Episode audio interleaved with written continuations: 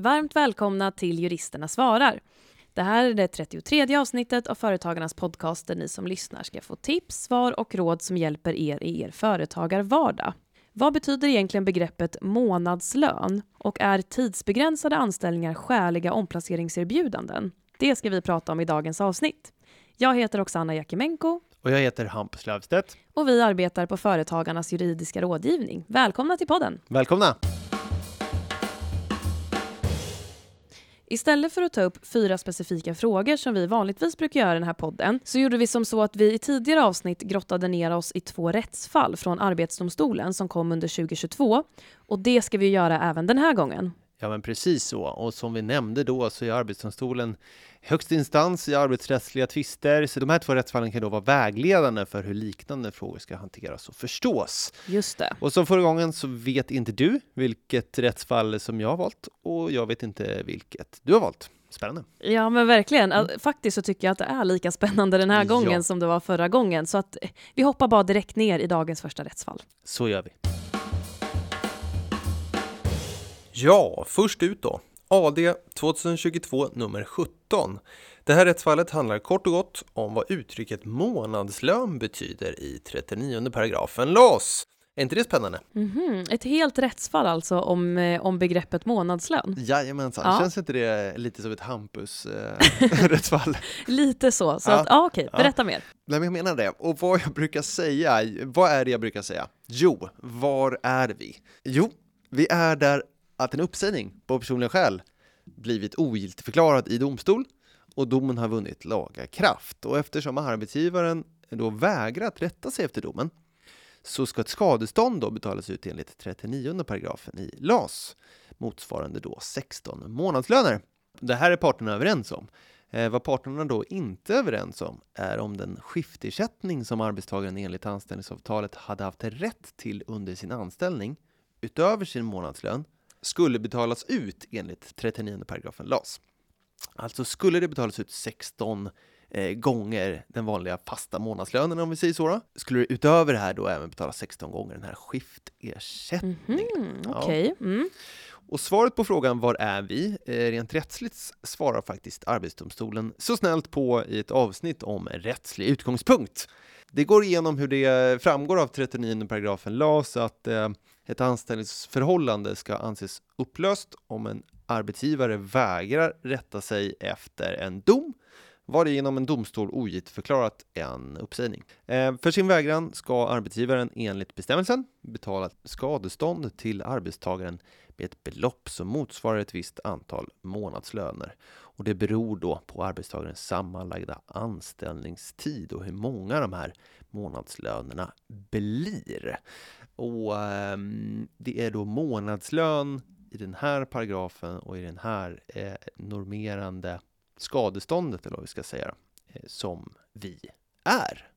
Mm, spännande. Ja, eh, domstolen börjar med att gå igenom förarbetena för att sedan titta på sin egen praxis.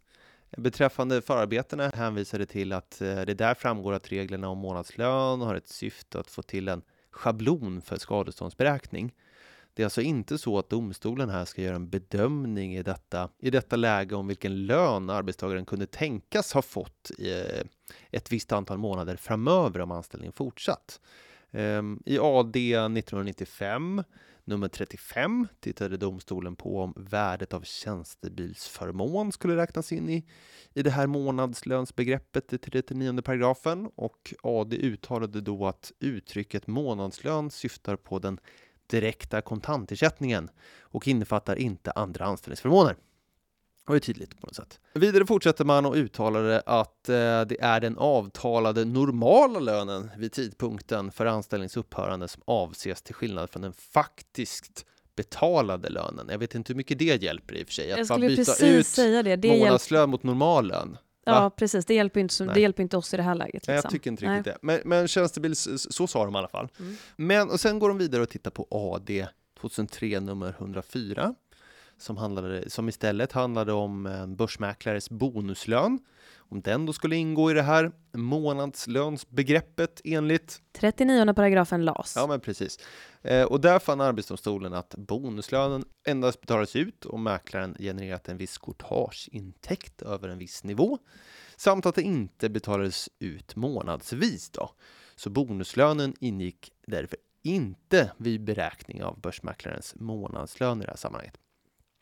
Och i AD 2013 nummer 57 och AD nummer 197 nummer 84 så eh, gick AD igenom samma sak kan man väl säga då. Men, men då uttalade AD att beträffande månadslönsbegreppet i 39 paragrafen LAS eh, syftade till ordinarie månadslön som arbetstagaren uppburit och eh, att något påslag för semesterersättning inte skulle göras vid tillämpningen av den här paragrafen då. Mm -hmm, Okej, okay. men i, i det här fallet då, Mm. vad, hur gjorde de bedömningen då?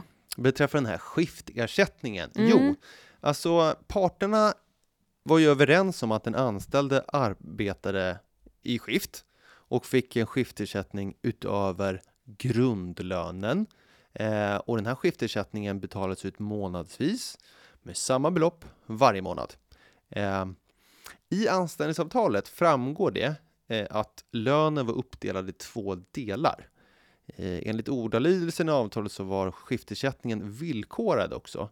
Att arbetstagaren då verkligen arbetar enligt ett visst skiftschema för då har rätt till skiftersättningen. Det stod också att arbetstagaren inte skulle ha rätt till skiftersättning om arbetstagaren förflyttades till arbete som inte hade skift.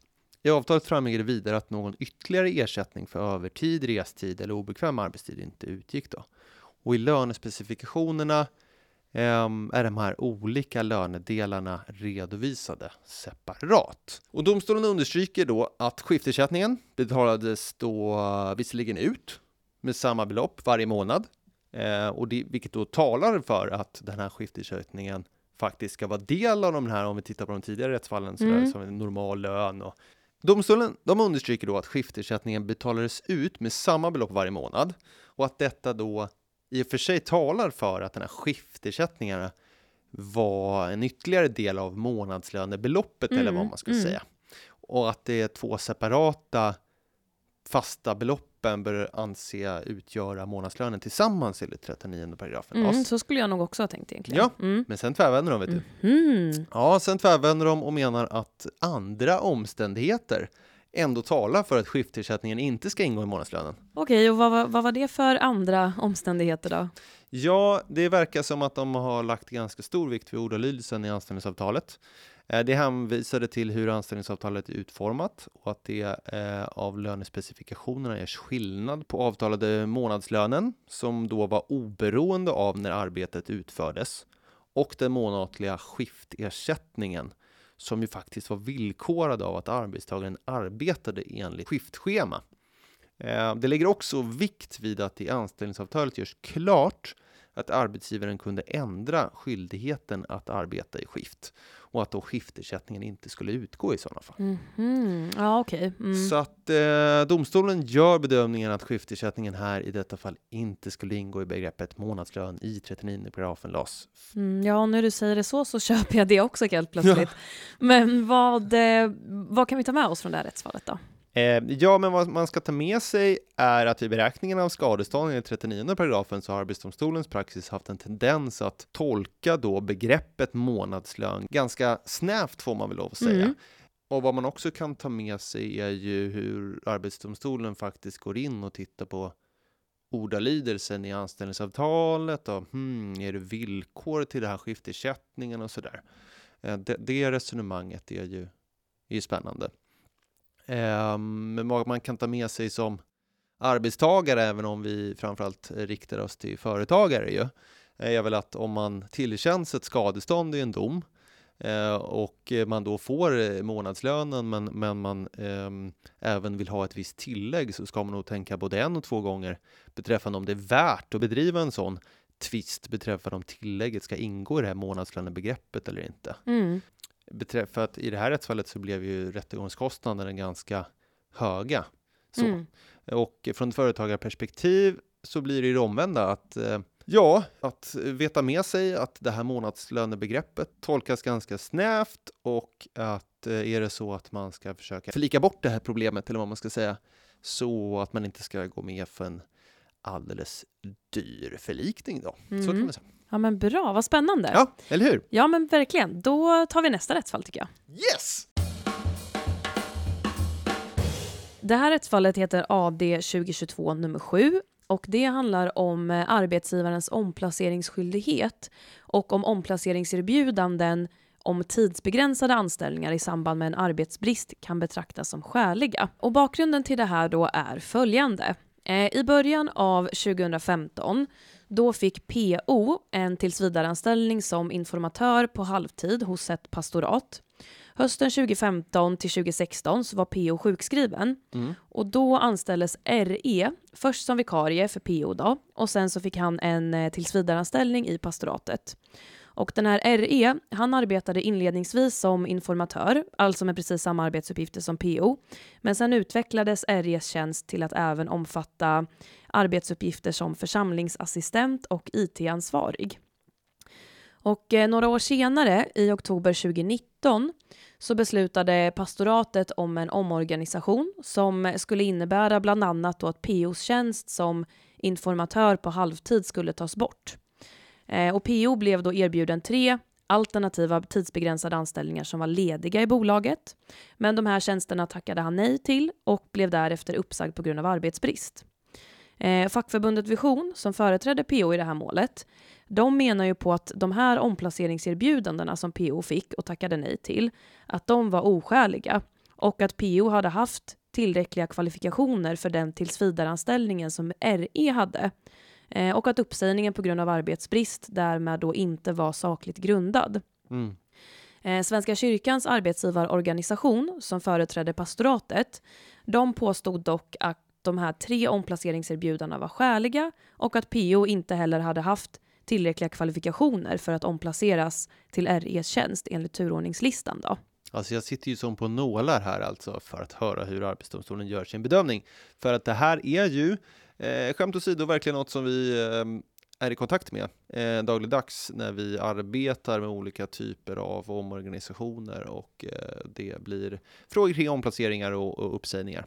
Omplaceringsskyldighet, sjunde paragrafen och 22 Mm. paragrafen. Ja, men precis, visst Mm. är det så. Ja, men det här är inte helt enkelt att göra den här bedömningen. Så vad tyckte AD då i det här fallet? Nej, men precis, det är ju inte det. Eh, och det som AD konstaterade inledningsvis, det är ju att eh, en uppsägning på grund av arbetsbrist, Mhm. den är inte sakligt grundad om det är skäligt att kräva att arbetsgivaren bereder eh, arbetstagaren annat arbete hos sig genom omplacering.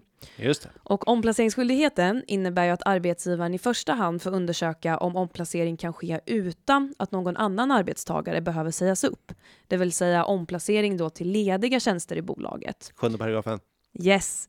Och hittar arbetsgivaren en sån ledig tjänst, då kan inte en arbetstagare som riskerar att bli uppsagd på grund av arbetsbrist tacka nej till ett sånt erbjudande om det är skäligt och istället då vänta på att eh, få någon annan arbetstagares tjänst då med stöd av sin plats i turordningen. 22 paragrafen. Yes. Ehm, för så är det ju då att om arbetsgivaren kan erbjuda den arbetsbristdrabbade arbetstagaren annat ledigt arbete, då blir det ju inte aktuellt att tillämpa omplaceringsskyldigheten enligt turordningsreglerna. Ja, men precis. Men pastoratet hade ju här som sagt eh, vid ett och samma tillfälle erbjudit PO tre olika omplaceringserbjudanden Okej. till tre olika lediga tjänster och alla de här tjänsterna var tidsbegränsade. Så de här tre anställningarna som eh, PO erbjöds att välja mellan, Mhm. det var ett sjukvikariat eh, på 50% som skulle pågå i mindre än en månad. Sjukvikariat för någon som var sjukskriven. Ja, Okej. Mm. precis.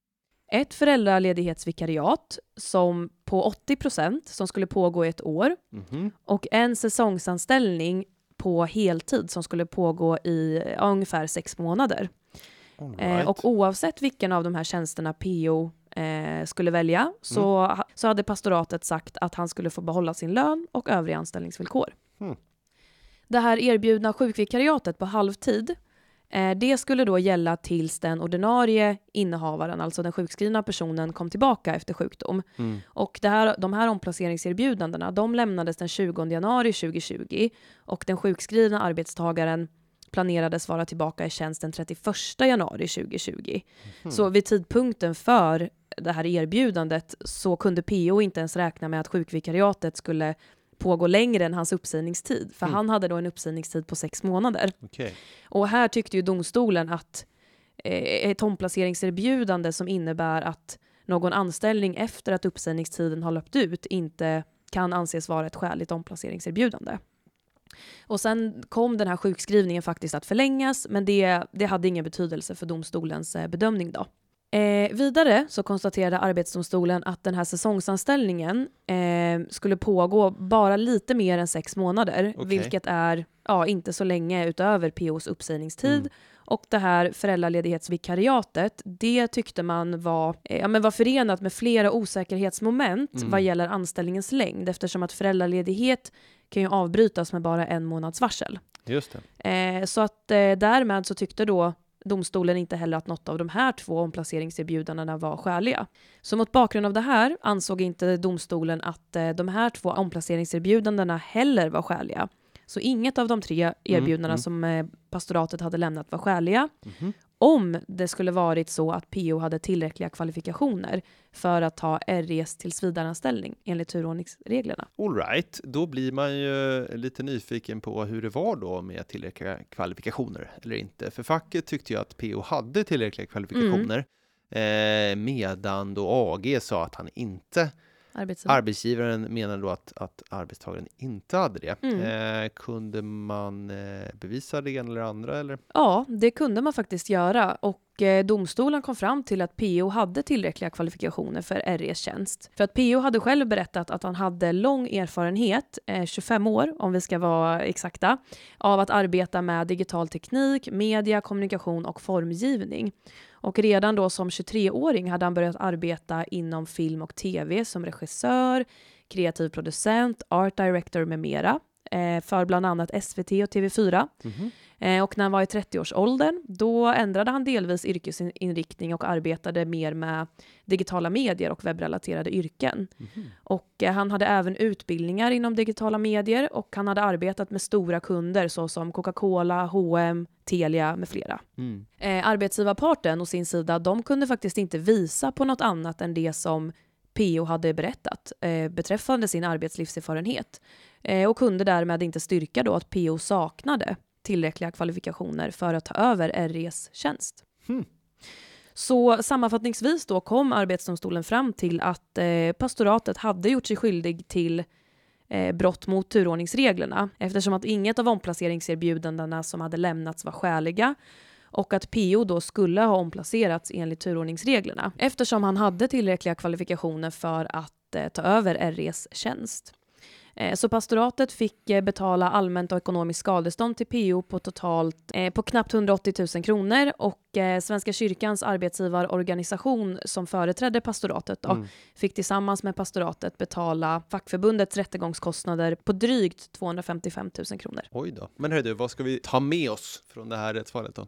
Jo, men det jag tycker att vi ska ta med oss från det här fallet det är ju att det kan vara oskäligt att erbjuda en arbetstagare eh, som har drabbats av en arbetsbrist omplacering till en ledig tjänst i bolaget om den lediga tjänsten är en kortare tidsbegränsad anställning och om det enligt turordningslistan finns omplaceringsmöjligheter till en tillsvidareanställning. Ja, man kan väl till och med ta med sig, det här var verkligen jätteintressant i rätt fall man Eller hur? till och med ta med sig att den här bedömningen de gjorde att jaha, det här med kortare tidsbegränsad anställning, att de då tittade på ens arbetstagarens egen uppsägningstid. Precis, och satte, satte eh, de tidsbegränsade anställningarnas längd i relation Ja. till uppsägningstiden. Sen ska det också sägas att det var ett långt resonemang kring eh, varför man bedömer det på det här sättet. Mm. Men det är som sagt, för den intresserade, också ett jättebra pedagogiskt rättsfall. Också spännande att man ställer då skäligheten i omplaceringserbjudandet till ny ledig befattning, sjunde paragrafen, till om man kan omplacera enligt turordningslistan. Mm, mm, precis. Det är ju eh, väldigt spännande. Eller hur? Mm. Härligt!